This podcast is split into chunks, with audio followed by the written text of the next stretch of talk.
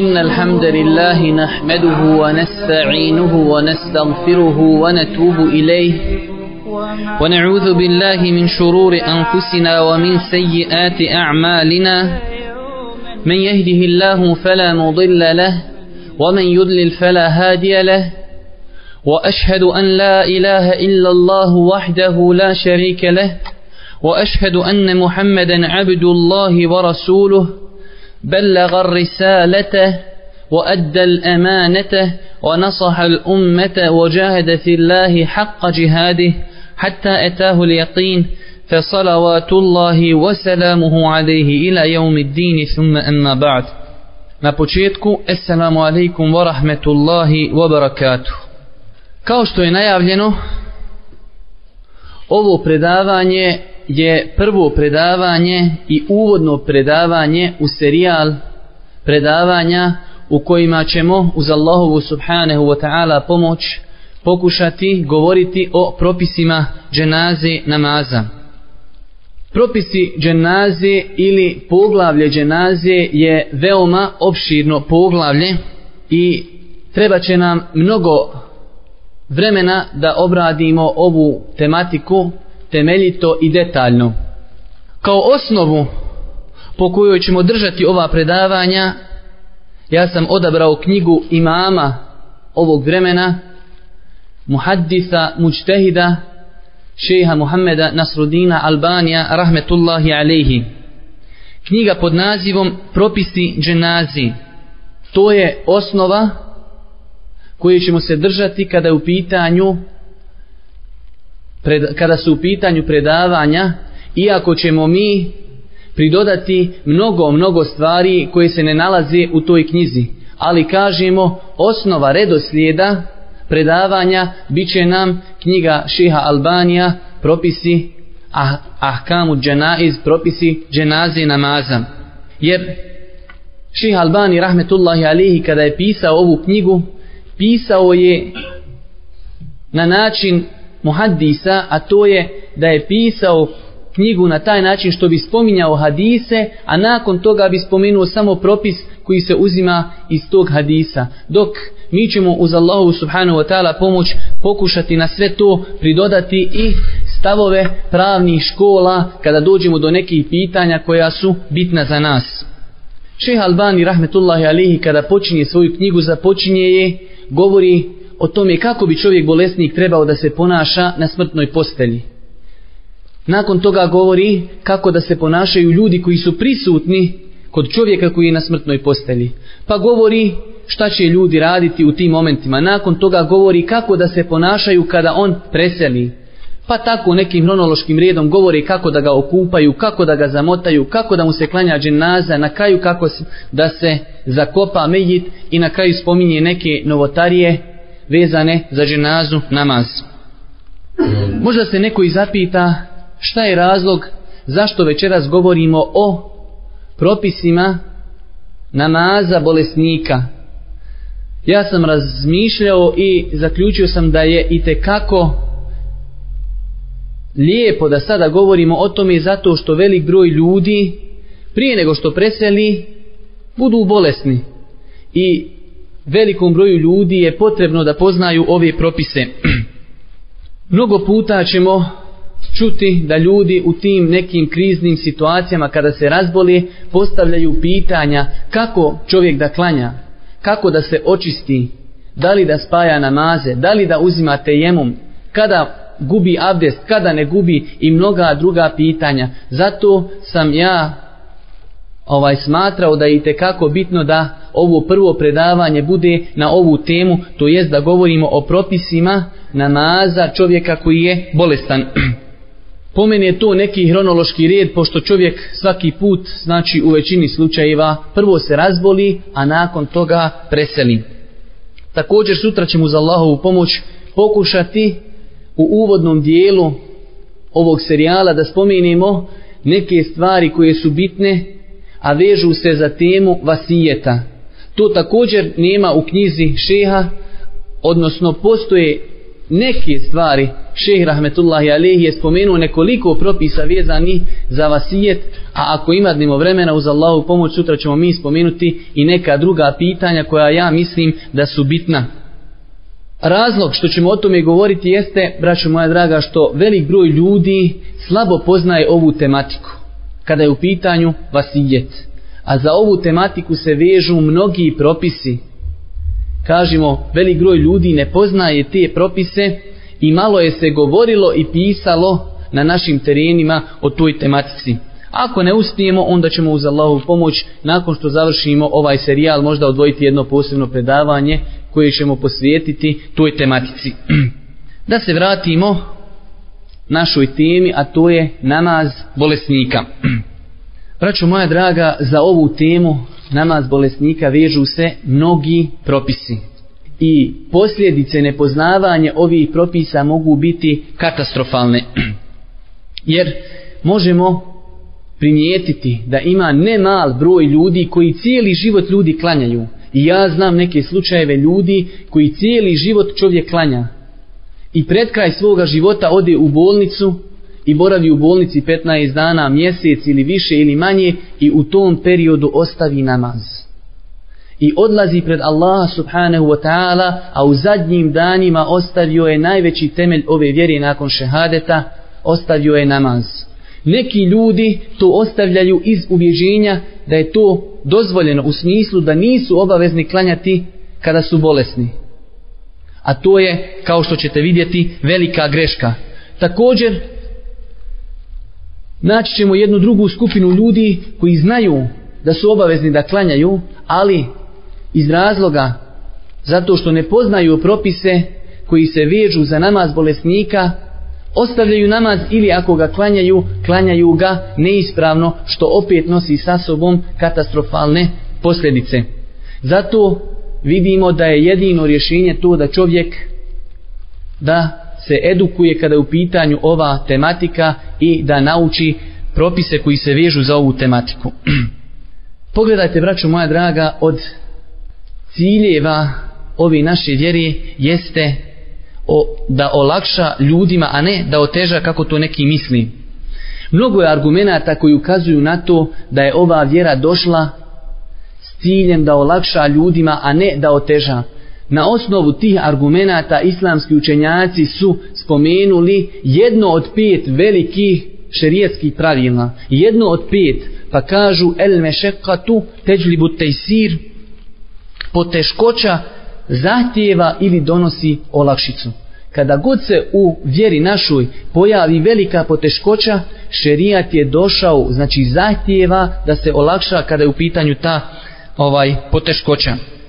Zato ćemo mi spomenuti na početku, znači pošto se ovo sve veže za bolesnika, ovaj spomenut ćemo neke argumente koji ukazuju na to da ova vjera je došla da olakša ljudima, a ne da oteža. Kaže Allah subhanahu wa ta'ala, na početku ćemo spomenuti kuranske ajete koji ukazuju na to kuranske ajete koji ukazuju na to da je ova vjera došla da olakša, a ne da oteža ljudima. Kaže Allah subhanahu wa ta'ala Yuridu Allahu bikumul yusra wala yuridu bikumul usr.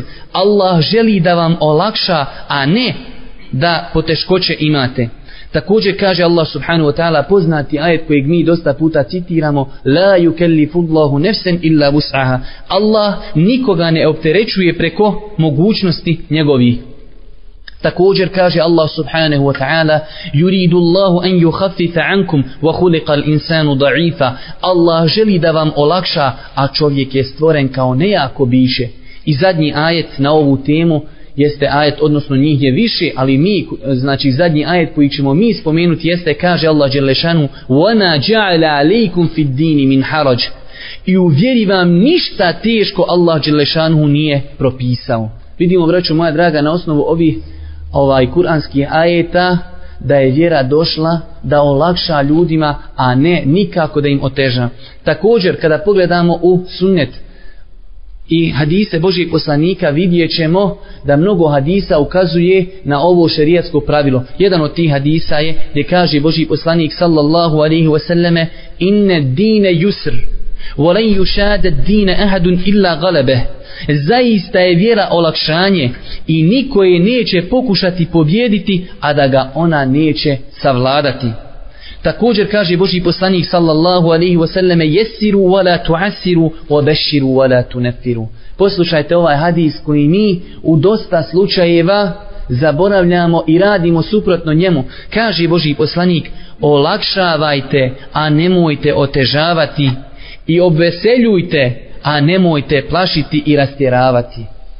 Normalno ovo se misli u granicama šerijata, ali mi dosta puta i ono koliko nam šerijat dozvoljava da olakšamo ljudima, mi zatežemo u mjestima gdje ne treba da se zatiži. Kaže Aisha radijallahu ta'ala anha, ma hujira Rasulullahi sallallahu alaihi wasallam bejne še'ejni illa ihtara ejserahuma malem jekun isma. Nikada poslanik nije birao između dvije dozvoljene stvari, a da nije odabrao lakšu. Zato, vraću moja draga, zašto govorimo o ovim stvarima? Zato što ovo poglavlje namaz bolesnika potpada pod ovaj veliki, pod ovo veliko pravilo. Jer vidjet ćemo, bolesnik kada kaže da ne može da obavlja namaz stojeći, onda mu kažemo klanjaj sjedeći. Zato što je znači poteškoća bila razlog da mu se olakša. Zato vidimo koliko je ova naša vjera ovaj olakšavajuća kada su u pitanju i ibadeti.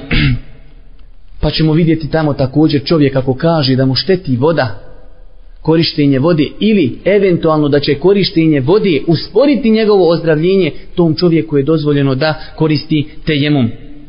Ako imadnemo vremena, a inšala imat ćemo, na kraju ćemo spomenuti, za one koji slušaju preko interneta, spomenut ćemo kada je čovjeku dozvoljeno bolesniku da uzme tejemum, pošto, pošto smo mi te stvari prošle godine obrađivali ovdje u Zimskoj školi Islama govorili smo o propisima tejemuma i na kraju ćemo također spomenuti propise potiranja po zavoju, langeti ili gipsu.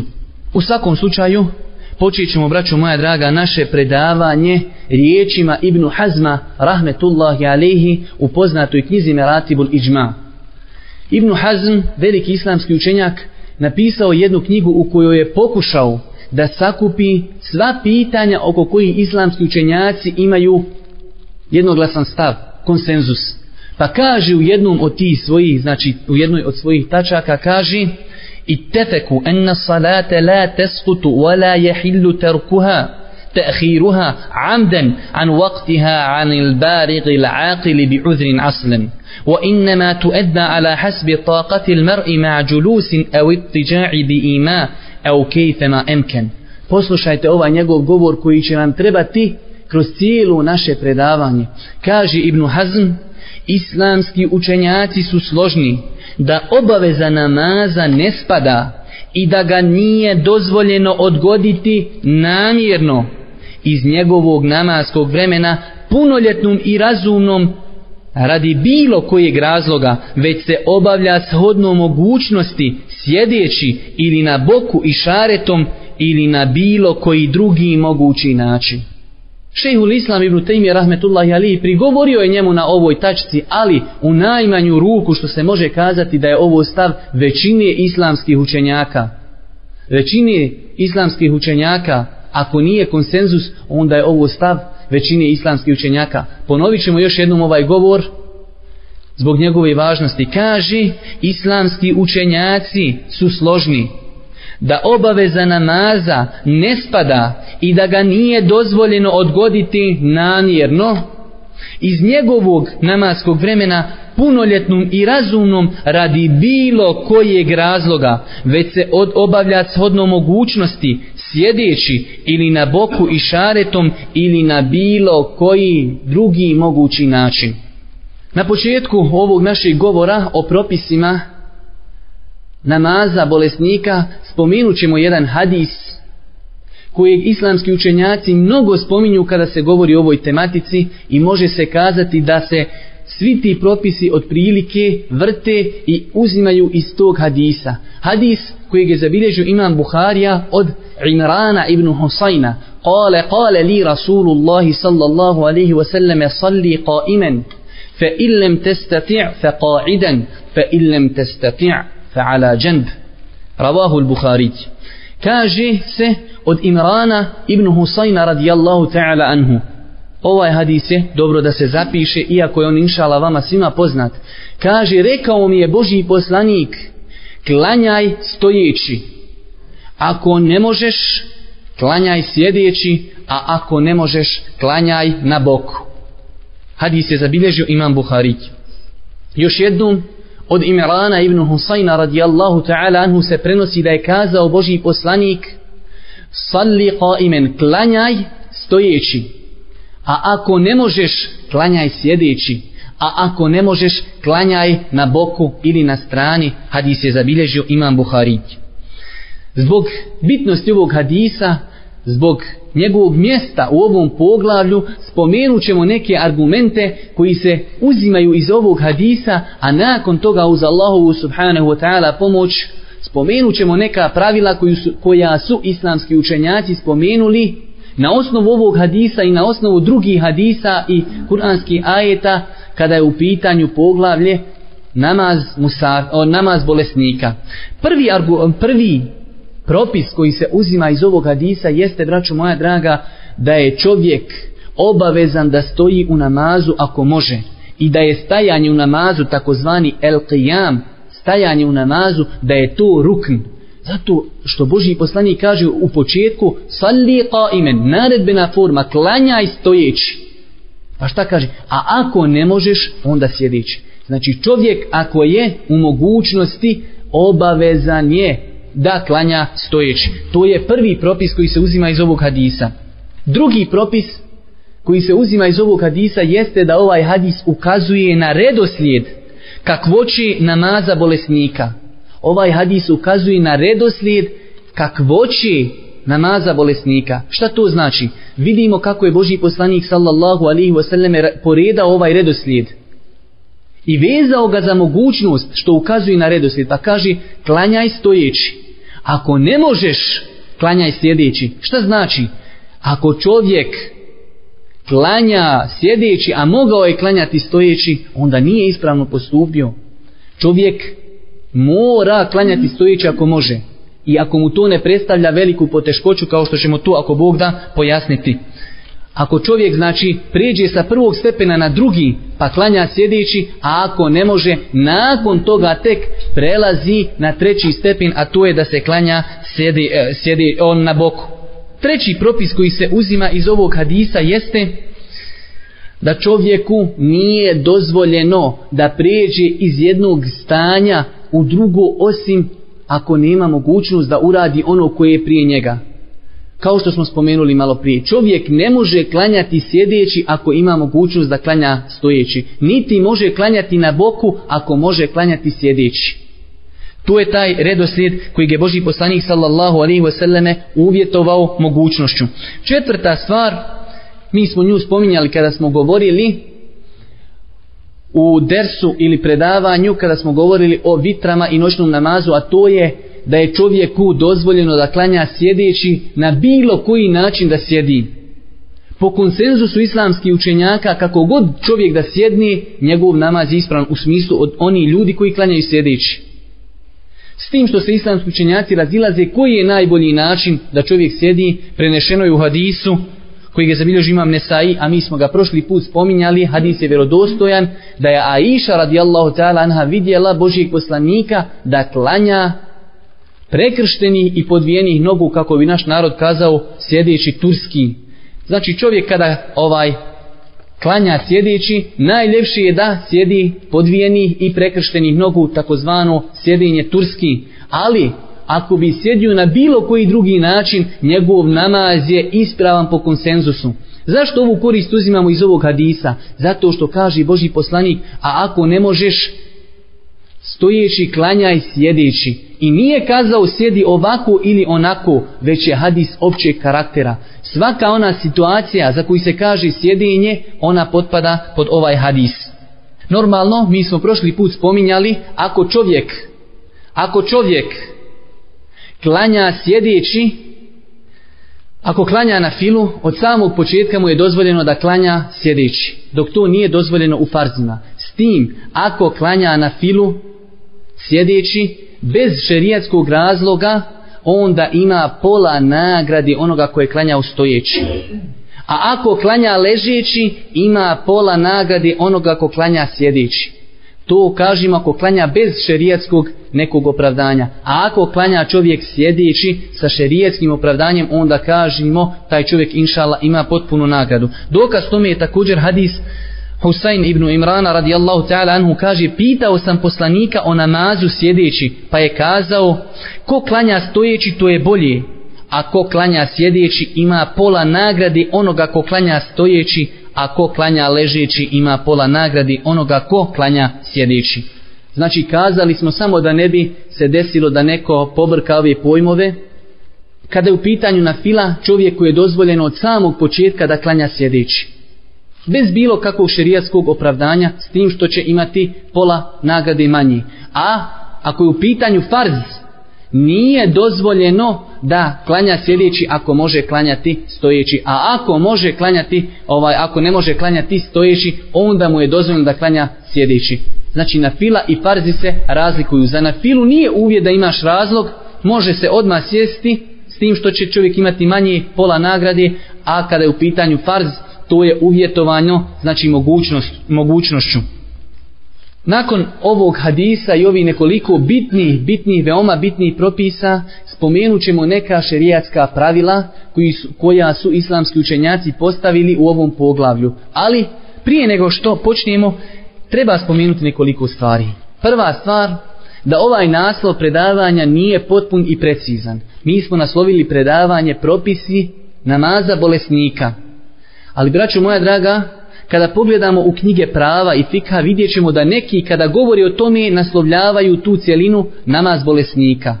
Dok drugi to naslovljavaju malo šire pa kažu namaz ehlul azar, oni ljudi koji imaju neke razloge. A zašto neki kažu samo ovaj namaz bolesnika? Zato što se ovi propisi najčešće i najviše koriste kod bolesnika. Ali braćo moja draga, još je osoba koji potpadaju pod ono što mi sve noćas skažimo. Pa na primjer, samo onako, neke primjer. Čovjek je u kući, kuća ima nizak boj, znači plafon i ne može se ispraviti. Taj čovjek će, a ne smije izaći iz kući, hoće da klanja, taj čovjek će klanjati sjedeći. On u osnovi može se ispraviti kada bi bio na polju, ali ne smije da iziđe iz taj čovjek će klanjati sjedeći. Znači ovo se sve ne odnosi striktno samo na bolesnika, potpadaju još neke osobe. Primjer, čovjek drži nekog čovjeka negdje na mostu za ruku, hoće da čovjek znači da izvrši samoubistvo.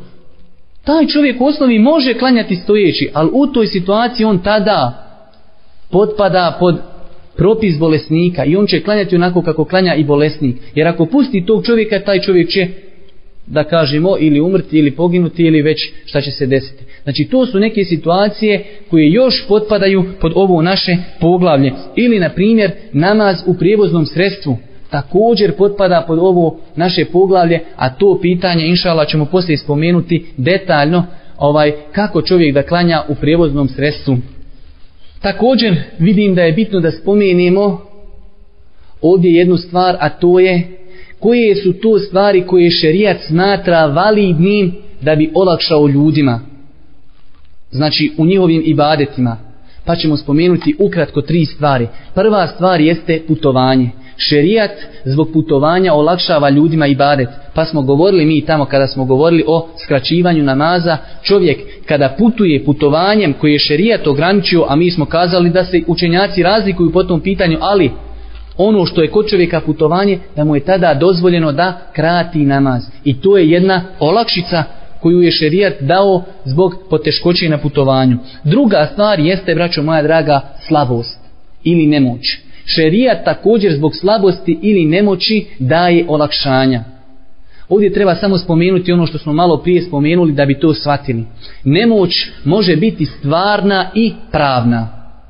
Šta to znači? Stvarna nemoć to je kada čovjek stvarno ne može uraditi neki ibadet. Najbolje se to na primjeru pokazuje. Čovjek ima bolove u leđima ili ima operaciju ili nešto slično mi ne može klanjati stojeći. Kaže mogu samo ležeći. Taj čovjek ima nemoć ili poteškoću, znači slabost ili nemoć stvarnu. Zaista ne može. I taj čovjek ima pravo da koristi olakšice. A pravna slabost, šta je pravna slabost? Najbolje će se pokazati kroz primjer, ali možemo i navesti njenu definiciju. Tu je osoba koja može uraditi baret, ali zbog okolnosti ili situacije u kojoj se nalazi ne može ga uraditi. Primjer čovjeka koji je u rovu.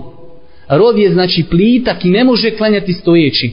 Ako bi se ispravio, biše pogođen od strane neprijatelja. Taj čovjek u osnovi je u mogućnosti da klanja stojeći. U mogućnosti je što se tiše fizičkog i zdravstvenog njegovog stanja. Ali ne može u toj konkretnoj situaciji, on ne može. I zato kažemo za njega, on je znači pravno onemogućen, ta slabost je pravna, nije stvarna. On u stvarnosti može klanjati stojići, ali ne smije, zato što time izlaže svoj život. I kažemo tom čovjeku, ako si pravno oslabljen, imaš pravo da koristiš te olakšice zbog kojih šerijat olakšava i badete. I treća stvar zbog koje šerijat olakšava i badete ovo je jedna i e, možda najbitnija stvar jeste, braćo moja draga, teškoća. Ili neko kritično stanje. Zato ćemo o ovome malo samo više govoriti, ako Bog da nećemo mnogo dužiti. Šta znači teškoća? Teškoća je, braćo moja draga, stanje u kojem čovjek može uraditi i badet, ali ako bi ga uradio, osjećao bi veliku poteškoću. Čovjek dođe i kaže, ja imam operaciju, radio sam operaciju na leđima.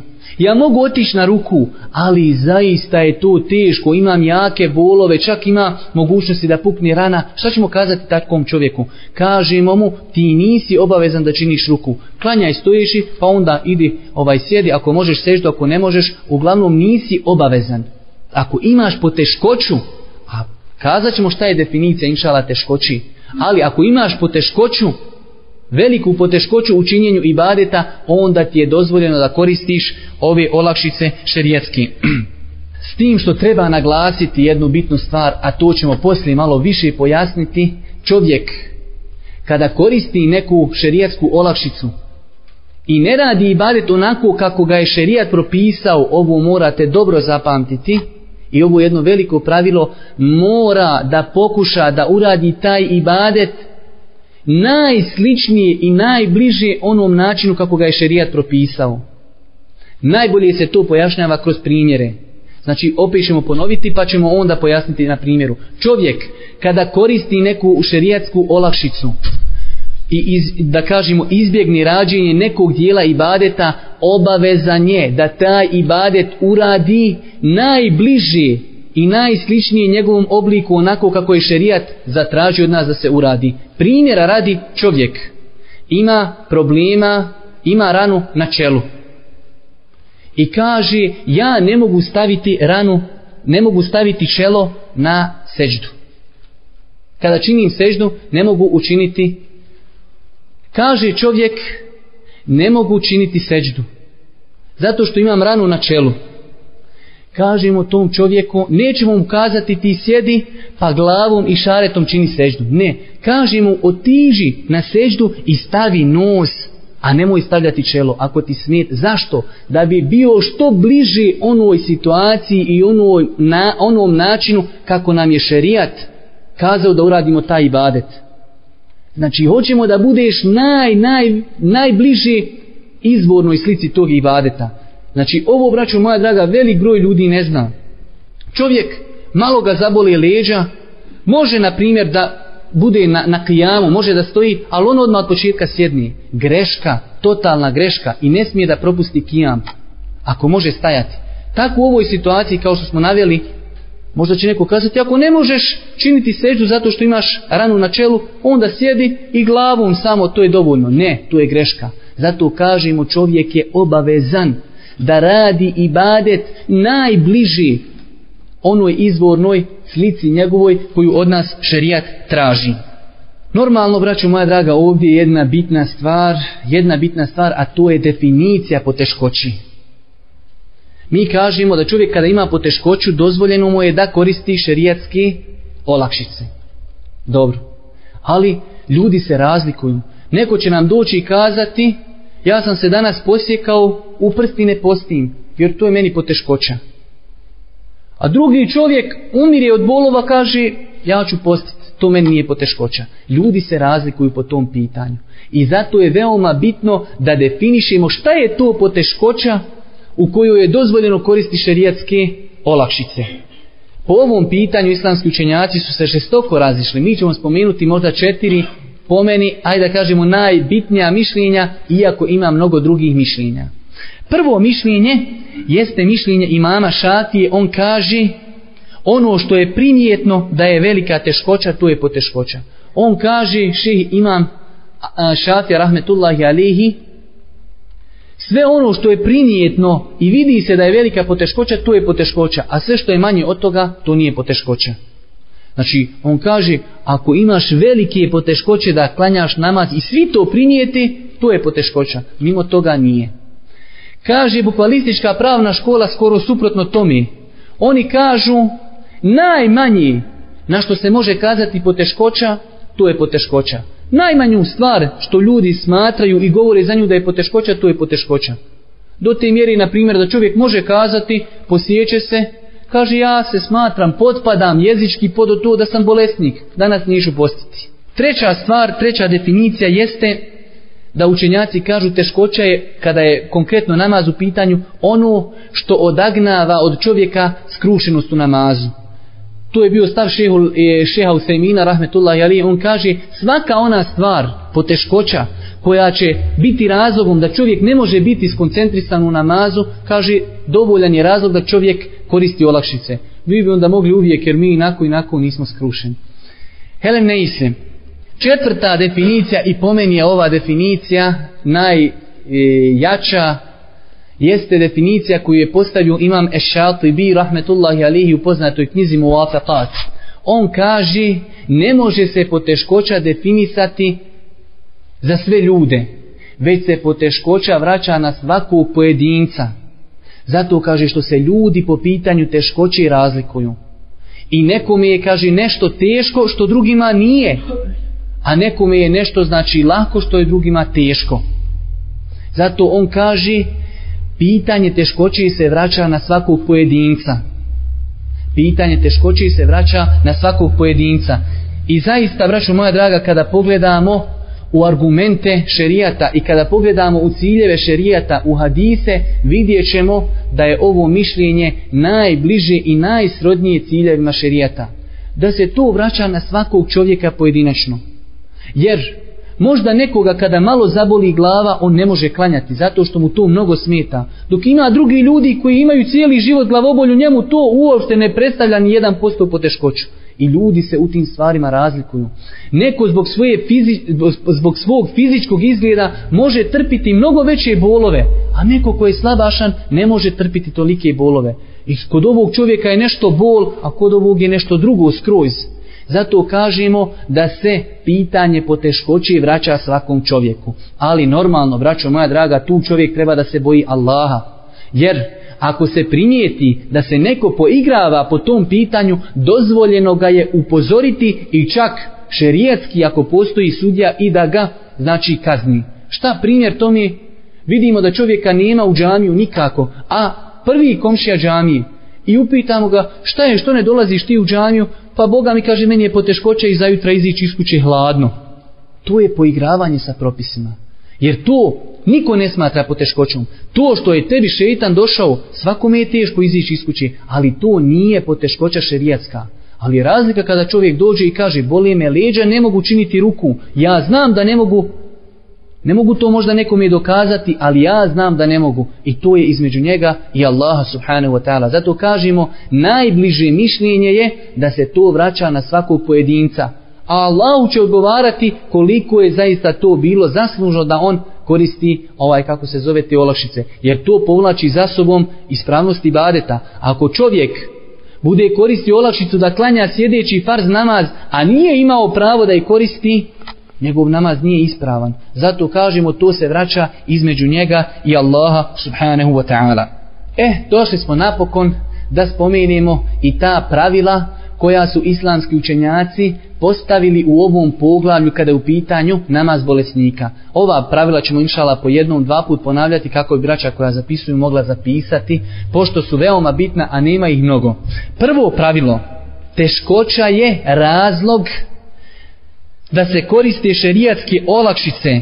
Teškoća je razlog da se koriste šerijatske olakšice bez razlike da li se ona već desila ili kod nas preovladava mišljenje da će se desiti. Ovo zapišite pa ćemo mi to pojasniti najbolje. Fik se najbolje pojašnjava primjerima i to je bila praksa velikih učenjaka ovog vremena kao što je ših Usemin Rahmetullahi Alihi. Zato Allah najbolje zna velik broj ljudi i te kako lako prihvata mišljenja koja je on ovaj preferirao zato što je dosta puta bio ubjedljiv kada to pojašnjava primjerima. Kažemo, teškoća je razlog da se koriste šerijatske olakšice bez razlike da li se desila ili kod nas preovladava mišljenje da će, da će se desiti. Šta znači ovaj govor? Kažemo, čovjeku je dozvoljeno da koristi šerijetsku olakšicu ako je se desila poteškoća. Primjer šta? primjer čovjek je operisan i ne može klanjati stojeći. Ne može klanjati ni sjedeći. Ne može klanjati ni na boku. Kažemo tom čovjeku kod tebe je se već poteškoća desila. Klanjaj na leđima. Dobro, ovo je po meni svima jasno. Znači desila se poteškoća i nakon toga koristimo šerijatska, ovaj, šerijatska olakšanja. Ali šta znači pa makar i kod nas preovladavalo mišljenje da će se desiti? Primjer, čovjek uradi operaciju na očima ili uradi operaciju na bilo kojem drugom mjestu tijela. I kaže mu doktor, povjerljiv doktor, ne smiješ činiti ruku i seđdu jer će to štetiti tvome zdravlju ili će usporiti tvoje ozdravljenje. Ovdje se nije šteta desila, čovjek je operisan i alhamdulillah uspjela je operacija, ali mu kaže doktor povjerljiv, ne smiješ činiti ruku niti seždu kako se ne bi pogoršalo tvoje stanje i kako ne bi se usporilo tvoje ozdravljenje. U ovom slučaju, ako smo ubijeđeni, znači u istinitost govora doktora, nama je dozvoljeno koristiti olakšice, pa makar se to i ne desilo. U smislu, mi ćemo raditi sve od sebe dati da se to ne desi. Jer nam je doktor kazao da nam to šteti. Zato smo kazali, ponavljamo, dozvoljeno je koristiti šerijatske olakšice ako se desi poteškoća ili ako kod nas preovlada mišljenje da bi se ona mogla desiti. Jer ovo svima jasno nekako mi ovaj kao da nije jasno. Znači u ovom slučaju čovjeku doktor kaže nakon što uradi operaciju, on je u redu sada zdrav, ali kaže ne smiješ raditi to i to kako se ne bi tvoje stanje pogoršalo. U toj situaciji je čovjeku dozvoljeno da koristi šerijatske olakšice. Ja sam pokušao koliko sam mogu objasniti. Ovdje, braću moja draga, postavlja se nekoliko pitanja za ovu stvar. Prva stvar, na osnovu čije govora mi smijemo prihvatiti to da će se desiti nama nešto. Pa kažemo od dvije osobe. Ili od osobe koja je doktor, znači to je njegova stručna struka, to je njegova struka i od osobe koja ima veliko iskustvo. Jer šta je drugo medicina nego iskustvo? Zato kažemo, ako čovjeku kaže povjerljiv doktor ili osoba koja ima po tom pitanju mnogo iskustva, da će to njemu štetiti, u tom slučaju je čovjeku dozvoljeno da koristi šerijatske olakšice. Normalno, ovdje se sada postavlja još jedno pitanje, a to je, a naročito kod ljudi koji žive na zapadu, da li je dozvoljeno izostaviti neke radnje u ibadetu na osnovu govora čovjeka koji nije musliman. Čovjek ode doktoru i uradi mu operaciju na očima.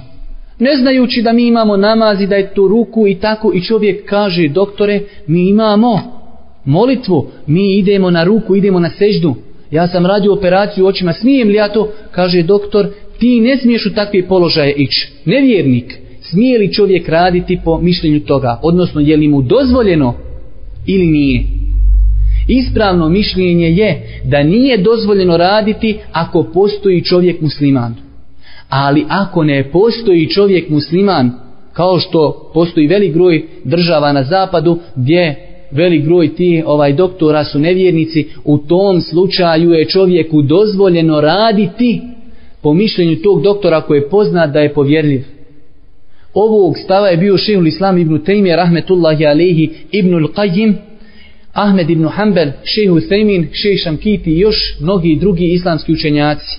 Smatrali su da ako nema doktora muslimana, postoji doktor kjafir i kaže ti da ne smiješ raditi određenu radnju, da ti je dozvoljeno da radiš po tom mišljenju i da ostaviš određeni ibadet. Primjera radi, doktor kaže čovjeku, nevjernik, kaže muslimanu, ne smiješ postiti jer ti post šteti organizmu. Normalno čovjek treba da zna da ima neku unutarnju oboljenje, ne može doći zdravom čovjeku, ali ako čovjek ima neko oboljenje, pa mu doktor kaže ne smiješ postiti određeni period, čovjek treba da posluša i da radi po mišljenju tog doktora, pa makar ne bio musliman. Neko će pitati, pa ima li dokaz u šerijetu za to? Ima dokaz. Dokaz u hadisu koji je zabilježio imam Buhari od Aiše radijallahu ta'ala gdje kaže kada je Boži poslanik činio hijđru iz Mekke u Medinu uzeo je čovjeka koji će mu pokazivati put koga? Uzeo je mušlika koji se zvao Abdullah ibn Urejkit Zamislite, toliku veliku stvar mu je povjerovao Boži poslanik povjerio da ga vodi, a zna se da su kurešije raspisale potjernicu i ko dođe bilo živim ili mrtvim Božim poslanikom je bekom da će dobiti sto deva. A opet Boži poslanik sallallahu alihi wasallame povjerio je njemu da ga vodi iz neke do u Medinu. I na osnovu ovog argumenta islamski učenjaci kažu da je dozvoljeno raditi po tome što nam ovaj ukažu ti nevjernici u tim nekim situacijama kao što su te situacije koje smo mi spomenuli, ali spomenuli smo da čovjek prije toga treba da pokuša da se konsultuje sa doktorom muslimanom. Ovaj, a ako ne nađe, onda inšala dozvoljeno je da radi po onome što mu kaže doktor nevjernik. Dobro, drugo pravilo jeste ako čovjek ne mogne uraditi ono što mu šerijat naređuje potpuno, već može dijelimično što može uraditi obavezan je da uradi, a što ne može spada obaveza sa njega. Ovo je također jedno veliko pravilo, ponovit ćemo ga, da ga zapišete, a onda ćemo ga pojasniti. Kaže se u ovom pravilu, ako čovjek ne mogne uraditi ono što mu je naređeno potpuno, već može djelimično ono što može uraditi potpuno obavezan je, a ono što ne može obaveza spada sa njega. Primjer toga su namazi velikog broja ljudi koji klanjaju sjedeći. Čovjek, ako mu je naređeno da klanja stojeći, obavezan je da klanja stojeći sve do situacije kada kaže ne mogu klanjati osim sjedeći. Zato kažemo čovjek je obavezan da uradi ono što šerijat od njega traži onako kako traži. A ako ne može, onda će uraditi ono sve što može. Zato otku čovjeku pravo, kaže ne mogu ići na seđdu. Pa dobro, ako ne možeš ići na seđdu, možeš li stojati? Kaže mogu, pa što klanjaš sjedeći? Pa eto. Zato što je vidio nekoga koji je mlađi od njega dvije godine, kaže kad on može, mogu i ja sjediti. A to je, braćo moja draga, neispravno. Čovjek mora raditi sve one radnje koje može da uradi. Treća stvar i treće pravilo jeste ono pravilo koje smo malo prije spomenuli, ali sada samo da ga zaokružimo, to je bolesnik će se truditi da uradi djelo na najbliži način od onog načina kako mu je naređeno. Bolesnik će se truditi da uradi djelo na najbliži način od onog načina kako mu je naređeno. Pa smo naveli primjer činjenja seđdi. Ili jedan drugi primjer. Kaže čovjek, ja ne mogu činiti seđdu. Nikako. Bolestan sam, boli me glava, ne mogu činiti seđdu. Ali mogu činiti ruku, mogu stajati. Šta ćemo kazati tom čovjeku? Ili kaže ne mogu činiti ruku i seđdu. Kažemo mu stoj u namazu. Kada dođe vrijeme rukua, ti glavom i samo. A nakon toga sjedi. E ovdje je pojenta, nakon toga sjedi. Nećemo kazati čovjeku, klanjaj cijelo vrijeme stojeći, pomičući glavu, zato što ne možeš na ruku i ne možeš na seđdu ali možeš sjedit Zato mu kažemo idi najbliže onom obliku koji šarijat od tebe traži, kažemo mu sjedi. A nakon toga kada sjedniš glavom i šareti kao da činiš seđnu Mislim inšala da je i ovo jasno zato što smo ga prije pojašnjavali. Četvrto pravilo, čovjek ako ne može klanjati stojeći niti sjedeći će na boku. Na kojem boku će čovjek klanjati? Abdullah. Na desnom. Dobro, ali na kojem boku, lijevom ili desnom? Desnom ili lijevom pitanju a ne prema kibli, uopšte to ne pitam. Anele, šta kažeš? E, ovo je pametno. Znači, braćo, kada se klanja na boku, daje se prednost onom boku na kojim je čovjeku lakše klanjati. To prva stvar.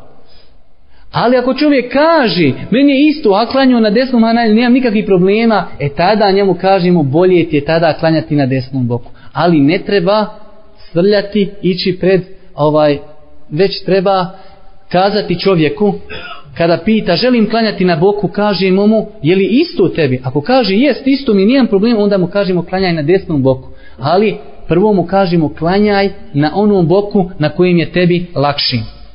Dobro, zato ovdje treba spomenuti jednu bitnu stvar, a to je, to je taj ispravan redoslijed. Kako čovjek da klanja osoba koja ne može klanjati bolesnik? Prvo mora klanjati stojeći. Ako ne može klanjaće, kako? Sjedeći. Ako ne može klanjaće na boku, a nakon toga klanjaće na leđima. Ima islamski učenjaka koji kažu ova zadnje dvije stvari nije obavezan redoslijed. Znači kada čovjek duži do toga, do toga da klanja na boku, Može klanjati ili na boku ili na leđima, ali mi kažemo ne. Nije to ispravno iz razloga što je Božji poslanik pojasnio onom hadisu. Kaže klanjaj stojeći, ako ne možeš klanjaj sjedeći, a ako ne možeš klanjaj na boku. Nakon toga, ako čovjek kaže ja ne mogu klanjati na boku, kažemo mu dolazi četvrta, znači stepenica, a to je klanjaj na leđima s tim. Kako će čovjek klanjati na leđima? Okrenut će svoja stopala prema kibli glavu će okrenuti suprotno, znači od kibli, ali je preporučeno da malo zadigne svoju glavu i svoja prsa kako bi koliko toliko okrenuo svoje lice prema u pravcu kibli. Znači jeste li shvatili čovjek kada klanja na leđima okrenut će svoja stopala prema kibli, a ako može zadignut će malo svoju glavu i svoja prsa, znači da se podbaci čovjeku jastuk pod glavu i da tako klanja kako bi koliko toliko okrenuo svoje lice prema kibli. Ali kažemo obavezan je redoslijed. Prvo stojeći, nakon toga sjedeći, nakon toga na boku, a ako ne može, nakon toga na leđima. Dobro, također jedno pravilo jeste ako čovjek iznemogni u namazu, prelazi na drugu fazu, ako čovjek iznemogne u namazu, prijeći će na drugi stepen, da ne bude rimovanja, prijeći će na onaj stepen koji dolazi poslije njega i suprotno ovome. Ako čovjek bude na nekom nivou i osjeti snagu, obavezan je da odlazi na onaj nivo i stepen koji je prije toga. Primjera radi najbolje na primjeru pojasniti. Čovjek započne namaz stojeći i osjeti jake bolove. Kažemo tom čovjeku tebi je dozvoljeno sjesti ideš na niži nivo. Pa kaže, ne mogu ja sjediti. Kažemo, na bok, ne mogu, lezi na leđa. Suprotno tome, čovjek bolestan, započni namaz sjedeći. U toku namaza, možda neki imam, mašallah, te barakella, klanja duži. U toku namaza on osjeti jednostavno da više nije bolestan. Da bi mogao ustati, onda je tom čovjeku obaveza da se vrati na osnovu, a to je da klanja stojeći. Mislim da ste inšala ovo shvatili, da to nije teško. Ovo je bilo e, ovaj broj 5 je bilo redoslijed ovaj da je on obavezan, to je bilo broj 5, a broj 6 je ovo. Broj 7 ako može bolesnik izdržati samo jedan period da stoji kada će stojati pitanje znači se postavlja čovjek dolazi i kaže mufti muftija ja znam imam kod nas stanja 10 minuta namaz a ja znam svoje stanje da ja ne mogu stajati osim 5 minuta E sad šta mi kažeš? Da li da budem prvi pet minuta da stojim pa da sjednim ili da sjedim pet minuta, pogledam na sat i onda ustanem klanjam zadnjih pet minuta stojeći. Nije smiješno zato što postoji razilaženje kod islamskih učenjaka. I ono što mi svi mislimo, bar ja tako ovaj, osjećam, da to nije ispravno, to možda ima jak dokaz. Jer sjećate se kada smo govorili u poglavlju noćnog namaza, a Iša radijallahu ta'ala anha kaže, Boži poslanik bi kada je ostavio, započinjao namaz sjedići. Pa kaže, kada bi se primakeo odlazak na ruku, sjećate se, ustajao bi. Ovdje vidimo da nije u početku stajao, kao što bi mi većinom svi kazali, započeće stojeći, pa kada mu dosadi nek sjedi. Na osnovu ovog argumenta jedan dio islamskog činjaka kaže čovjek ako zna da ne može cijeli namaz stajati, sješće na početku kada osjeti da ostali dio namaza može stajati, ustaće. Ali ja mislim ipak da je ovo vezano za nafilu, da je ispravno mišljenje kada je u pitanju farz, da će čovjek započeti namaz stojeći. Onog momenta kada mu dosadi, on će sjesti. Iz nekoliko razloga. Prvi razlog zato što će tada izgovoriti početni tekbir. Početni tekbir je rukn, stojeći će ga izgovoriti. Također uspjeće da završi kijam. Kijam je također rukn. Uspjeće da prouči fatihu. Dobro, sve te stvari na jednu stranu. S druge strane, gledajući, nije uvjet i ne mora značiti da taj čovjek niše moći stajati. Možda Allah Đelešanu dadne da on započne namaz, pa tamo imam neki lijepo uči, čak on zaboravi da je bolestan i klanja cijeli namaz stojeći. A nako sigurno će klanjati pola sjedeći, pola stojeći. A ovako kažemo mu, ustani, počni klanjati. Onog momenta kada vidiš da ti je to poteškoća, sjedi i ostali dio namaza klanjaj sjedeći. Mislim da je inšala ovo isto jasno. Ovdje dolazimo do jednog veoma bitnog pitanja i večeras, iako vidim da je ovaj stanje među prisutnim prisutnima veoma žalosno, ako ništa ne bi naučili ako ovo naučimo inšala, velika je korist. Iako sve što smo spomenuli po meni je veoma bitno i veoma korisno. Namaz u prijevoznim sredstvima. Prvo pitanje da li je dozvoljeno klanjati u prijevoznim sredstvima. Pitanje da li čovjek može klanjati u avionu ako ima sve uvjete. Na primjer, u avionima Saudijske Arabije postoje ovaj mjesta gdje čovjek jednostavno to je mala musalla gdje može otići i klanjati normalno namaz. Ima ovaj kako se zove, non stop mu se pokazuje gdje je kibla i može klanjati stojeći. Pitanje da li se može znači klanjati u prijevoznim sredstvima ako su svi uvjeti znači u redu. Ima islam slučenjaka koji kažu ne može se klanjati. Ali ispravno mišljenje u svakom slučaju je da se može klanjati u prijevoznim sredstvima ako čovjek može klanjati onako kako šerijet od njega traži. Znači da klanja stojeći, da klanja, znači ono zna se šta šerijet od nas traži. Prvo pitanje raspravljali smo da li se može klanjati ili ne može. Pa smo rezimirali da može. Dobro. Sada dolazi ona druga pitanja. Dolazi nam čovjek i kaže hoću ja klanjati u prijevoznom sredstvu. Prvo što ćemo ga pitati, zapamtite ovu, prvo što ćemo ga pitati, ali kaže ne mogu, ne mogu ja ispuniti sve uvjete, ne mogu ja stajati u avionu, ne mogu, nema, znači nisu to saudijski avioni, američki, kaže ne mogu stajati, ne mogu u etehijatu sjediti, mogu sjediti u stolici. Prvo što ćemo tu osobu pitati, znači ono prvo pitanje, zapamtite dobro, bilo ako čovjek može klanjati normalno. Pa smo kazali može. E sada dolazi drugo pitanje koje se mnogo češće postavlja, to je čovjek u vozu, čovjek u autu, čovjek u avionu, čovjek na brodu ne može se znači okrenuti prema kibli, ne može činiti seđdu, ne može stajati, da li može klanjati? Prvo što ćemo postaviti pitanje čovjeku, ne treba nikada žuti, prvo ga pitamo hoćeš li doći na svoje odredište prije nego što završi namasko vrijeme? Prvo pitanje. Ako kaže doću na odredište prije nego što završi namasko vrijeme, kažemo ne smiješ klanjati tu u prijevoznom sredstvu, sačekaj dok doješ na odredište, dok avion sleti seđadu na aerodromu i Allahu ekver, okreni se prema kibli i upotpuni svoj namaz. Znači, prvi, prvo što ga pitamo, hoćeš li doći na odredište prije nego što završi namasko vrijeme. Ako kaže da će doći, alhamdulillah. Ali problem ako kaže ne, onda ga pitamo drugo pitanje, u, većini tih slučajeva to su ljudi musafiri, onda mu kažemo, ako bi spojio namaze koji se mogu spojiti kao podne i kindja, hoćeš li tada doći do svog odredišta? Ako kaže hoću, onda mu opet kažemo ne smiješ klanjati, već ćeš spojiti kada avion sleti ili stane autobus, tada ćeš stati i spojit ćeš namaze. Normalno, koje namaze? Podne i kindiju, akšam i jaciju. To smo mi već obradili. Ali problem se javlja ako čovjek kaže ne, ja neću doći do svog odredišta u tom periodu, već proće 5-6 namaskih vremena. Šta ćemo tom čovjeku kazati? Tom čovjeku ćemo kazati ne smiješ propustiti namaz, klanjaj onako kako možeš. La Allah ne duži nikog osim onoliko koliko on može. Ti se potrudi da klanjaš stojeći. Ako ne možeš, klanjaj sjedeći. Ti se potrudi da učiniš seždu. Ako je ne možeš učiniti, klanjaj namaz u stolici, klanjaj sjedeći. Potrudi se da se okreneš prema kibli. A ako ne možeš, nemoj se okretati prema kibli. Ali vidjeli ste da treba, da bi došli do ovog zadnjeg nivoa i zadnjeg propisa trebaju da se ispuni sve ove prijašnje stvari.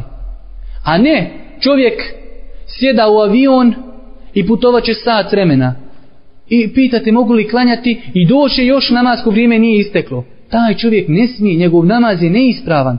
Nije u smislu da klanja u stolci. Normalno, ako se gore u avionu može okrenuti prema kibli i može i može upotpuniti sve ruknove namaza, ne klanja, nema smetnji. Ali je pitanje ako čovjek ne može. Zato tom čovjeku kažemo, ako znaš da ćeš sletjeti na aerodrom prije nego što istekne namasko vrijeme, ne, klanjaj na aerodromu. Tu je, braćo moja draga, što se tiče namaza putnika. Mislim da ste se malo razbudili i da niste ništa naučili noćas osim to, hajde veliki. Dobro, idemo dalje. Ovo je bilo samo deveto pravilo. Idemo dalje. Deseto pravilo, ali nema puno pravila, nemojte se bojati. Čovjek, osmo, deveto, nema smitnji. Ako ne može ništa osim išareta glavi, znači čovjek kaže ja ne mogu ništa, gips od vrata cijele noge, sve. Čovjek ima problema sa leđima. Kaže, samo mogu glavom. Tom čovjeku kažemo, ti ćeš klanjati u toj situaciji, ali ćeš seđdu činiti malo, znači niže od onoga što činiš ruku. Čovjek će malo pogijeti glavu na ruku, a kada bude poginjao glavu na seždi, pogijeće je malo više. To je znači pravilo za one ljude koji ne mogu osim i šaretom. Išli smo sve hronološkim redom. Prvo ko stoji, pa sjedi, pa na strani, pa na leđima i sada nam dolazi čovjek kaže ja ne mogu ništa osim glavom. Tada tom čovjeku kažemo kada budeš činio seđdu malo je više znači glavu pogni od onoga kada budeš na ruku i šaretom. Ako ništa onda dolazimo do sljedećeg pitanja. kaže čovjek molimo prisutni da se suzdrže od komentara. Dolazi treći, znači sljedeća tačka, ako čovjek ne može ni glavom, da li će micati očima? Ima islamskih činjaka koji kažu čovjek ako ne može ništa, može samo jezikom i očima. Obavezan je da klanja i da miči oči, znači ruku i sežda, ali je ispravno mišljenje da čovjek ne treba da miči oči zato što je hadis po tom pitanju dais a inače znači u šerijetu ne radi se po daif hadisima, u tom slučaju čovjek može samo znači micati očima jezikom, kažemo mu ti klanjaj, znači nije ti u svom srcu da odlaziš na ruku, da odlaziš na seždu, ali obaveza ne spada sa tebe. Iako ima učenjaka koji kažu u ovoj situaciji čovjek nije obavezan više ni klanjati, ali je ispravno sa njega spadaju šta? spadaju sa njega pokriti, ali dalje čovjek može govoriti kako ćemo mu kazati nemoj klanjati, a on zna učiti. Zato u tom čovjeku kažemo one zikrove koji se u namazu uči, ti si obavezan da izgovaraš. Također jedna stvar i to je isto pravilo. Vidimo kada pogledamo ovaj hadis Božih poslanika da nije stadio neki stepen između stajanja i sjedenja. Ovdje kada se kaže sjedinje misli se sjedinje na zemlji. A praksa velikog broja ljudi jeste da sjedi na stolicama. Vidimo Boži poslanik kaže klanjaj stojići, Ako ne možeš, klanjaj sjedići. Zato kažemo, čovjek treba da klanja, ako ne može stojeći, onda neka klanja sjedeći na zemlji.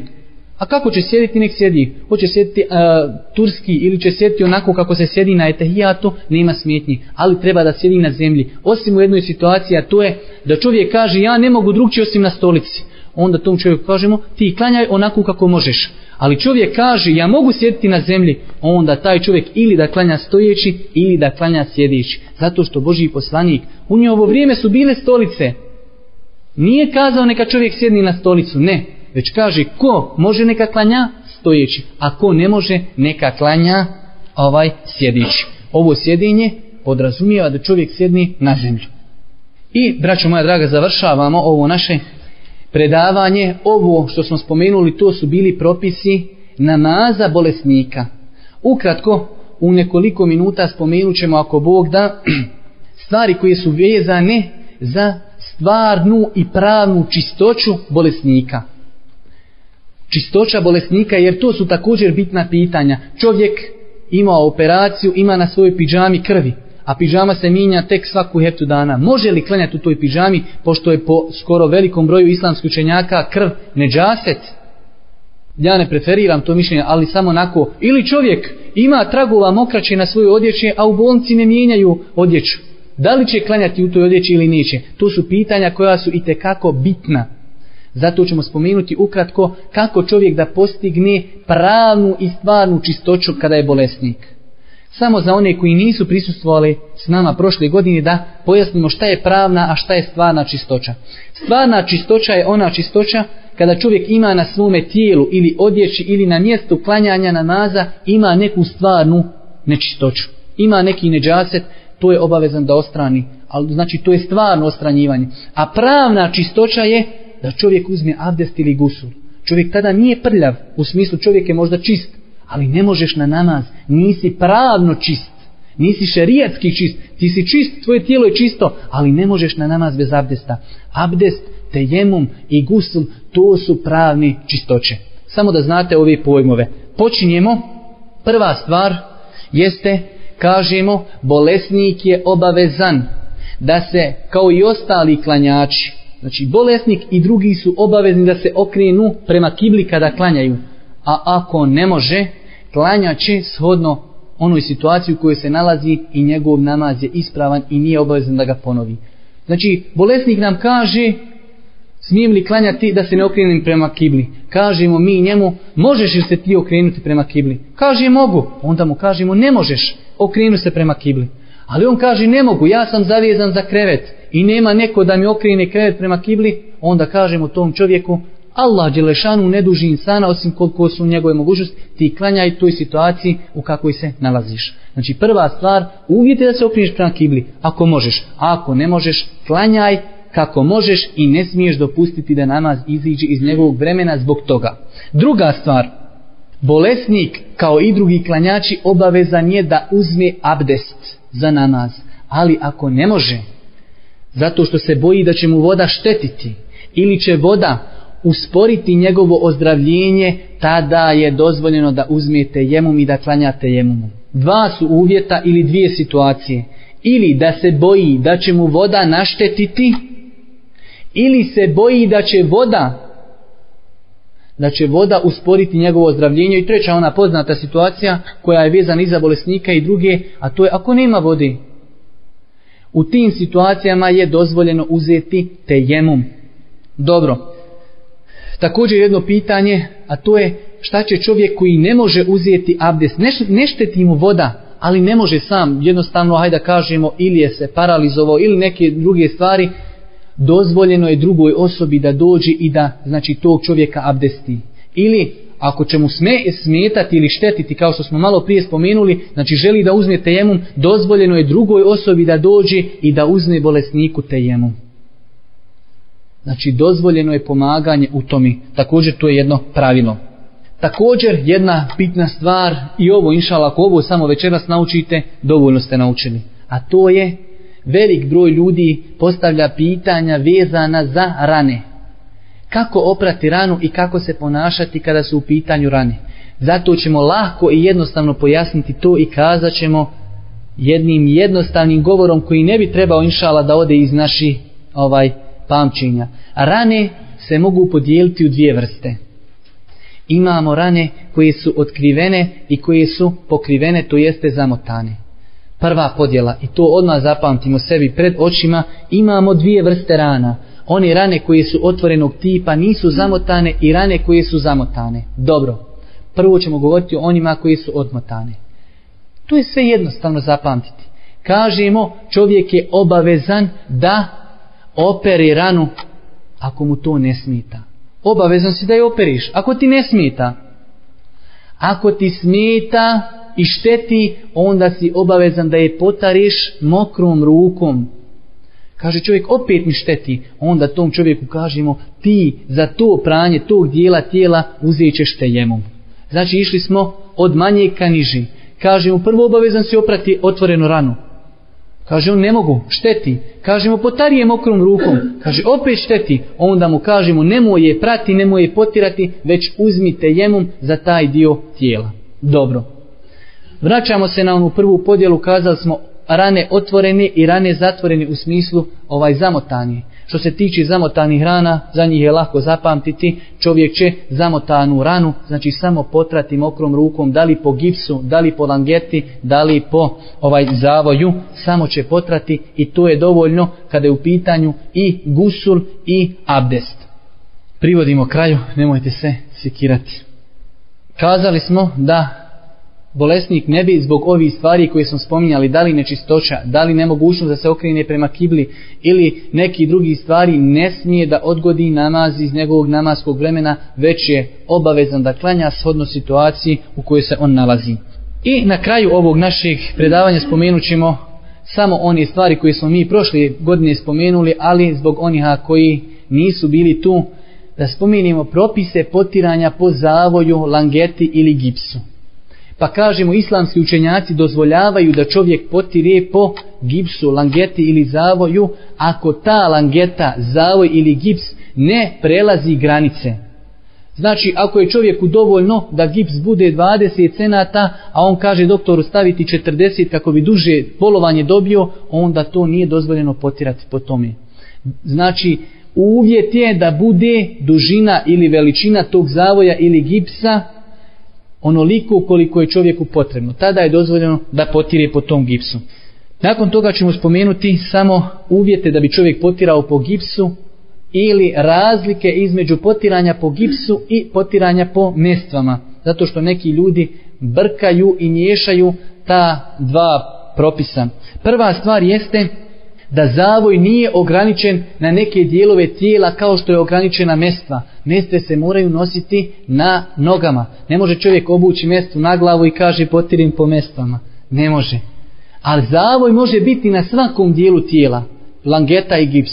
Na nozi, na ruci, na glavi, svugdje. To je prva razlika. I po tom zavoju, znači gdje god da se nađe na tijelu, dozvoljeno je potirati. Druga stvar jeste kada je u pitanju potiranje po ovoj langeti zavoju jeste da je dozvoljeno potrati kada se čovjek kupa prilikom gusula i prilikom abdesta. Ako je znači negdje zavoj na nekom mjestu koje se peri kada je u pitanju abdest. Dok kada su u pitanju mestve dozvoljeno je samo potirati kada je u pitanju uzimanje abdesta. Znači to je jedna velika razlika. Treća razlika jeste da potiranje po zavoju, langeti ili gipsu nije ograničeno vremenski, dok potiranje po mestvama je ograničeno za musafira tri dana, onoga kod koje kod kući jedan dan. Dok potiranje po ovim stvarima koje smo spomenuli, zavoj, gips, langeta, dozvoljeno je potirati sve dok čovjek ne ozdravi, pa makar to potrajalo mjesecima. I četvrta stvar, da je uvjet da bi bilo validno potiranje po mestama da su mestve obučene na abdestne noge. Dok zavoj, langeta ili gips nisu uvjetovani time, znači čovjek, i to bi bilo neuzubila velika poteškoća, da čovjeku uvjetuješ, da kažeš čovjek slomio ruku, čekaj dok uzme abdest pa da mu stavimo gips. Znači dozvoljeno je potirati pa makar čovjek, znači kada je stavljao taj gips i ne bio pod abdestom. I zadnja stvar i zadnja tačka jeste da je čovjek bolesnik obavezan da svoje tijelo, odjeću i mjesto namaza očisti od neđaseta. Očisti. Ako može. A ako ne može, klanja će onako kako može i njegov namaz je ispravan i ne treba ga ponavljati. To je ono što smo govorili za pižame i druge stvari. Čovjek ako može da promijene pižamu, može. Ako ne može, klanja će se odno situaciju u kojoj se nalazi. Ili eventualno čovjek klanja na krevetu, krevet pun krvi. Ili drugi nečisti stvari. Čovjeku kažemo, ako možeš očisti, ako možeš interveništi da se to promijeni. ako ne može, klanjaj shodno situaciju u kojoj se nalaziš. Molimo Allah subhanahu wa ta'ala da nas poduči propisima njegove vjeri. Molimo ga subhanahu wa ta'ala da nas učvrsti na putu istine. Molimo ga subhanahu wa ta'ala da pomogne muslimane u svim dijelovima svijeta i na kraju subhanaka Allahumma wa bihamdike ashhadu an la ilaha illa anta astaghfiruka wa atubu wili.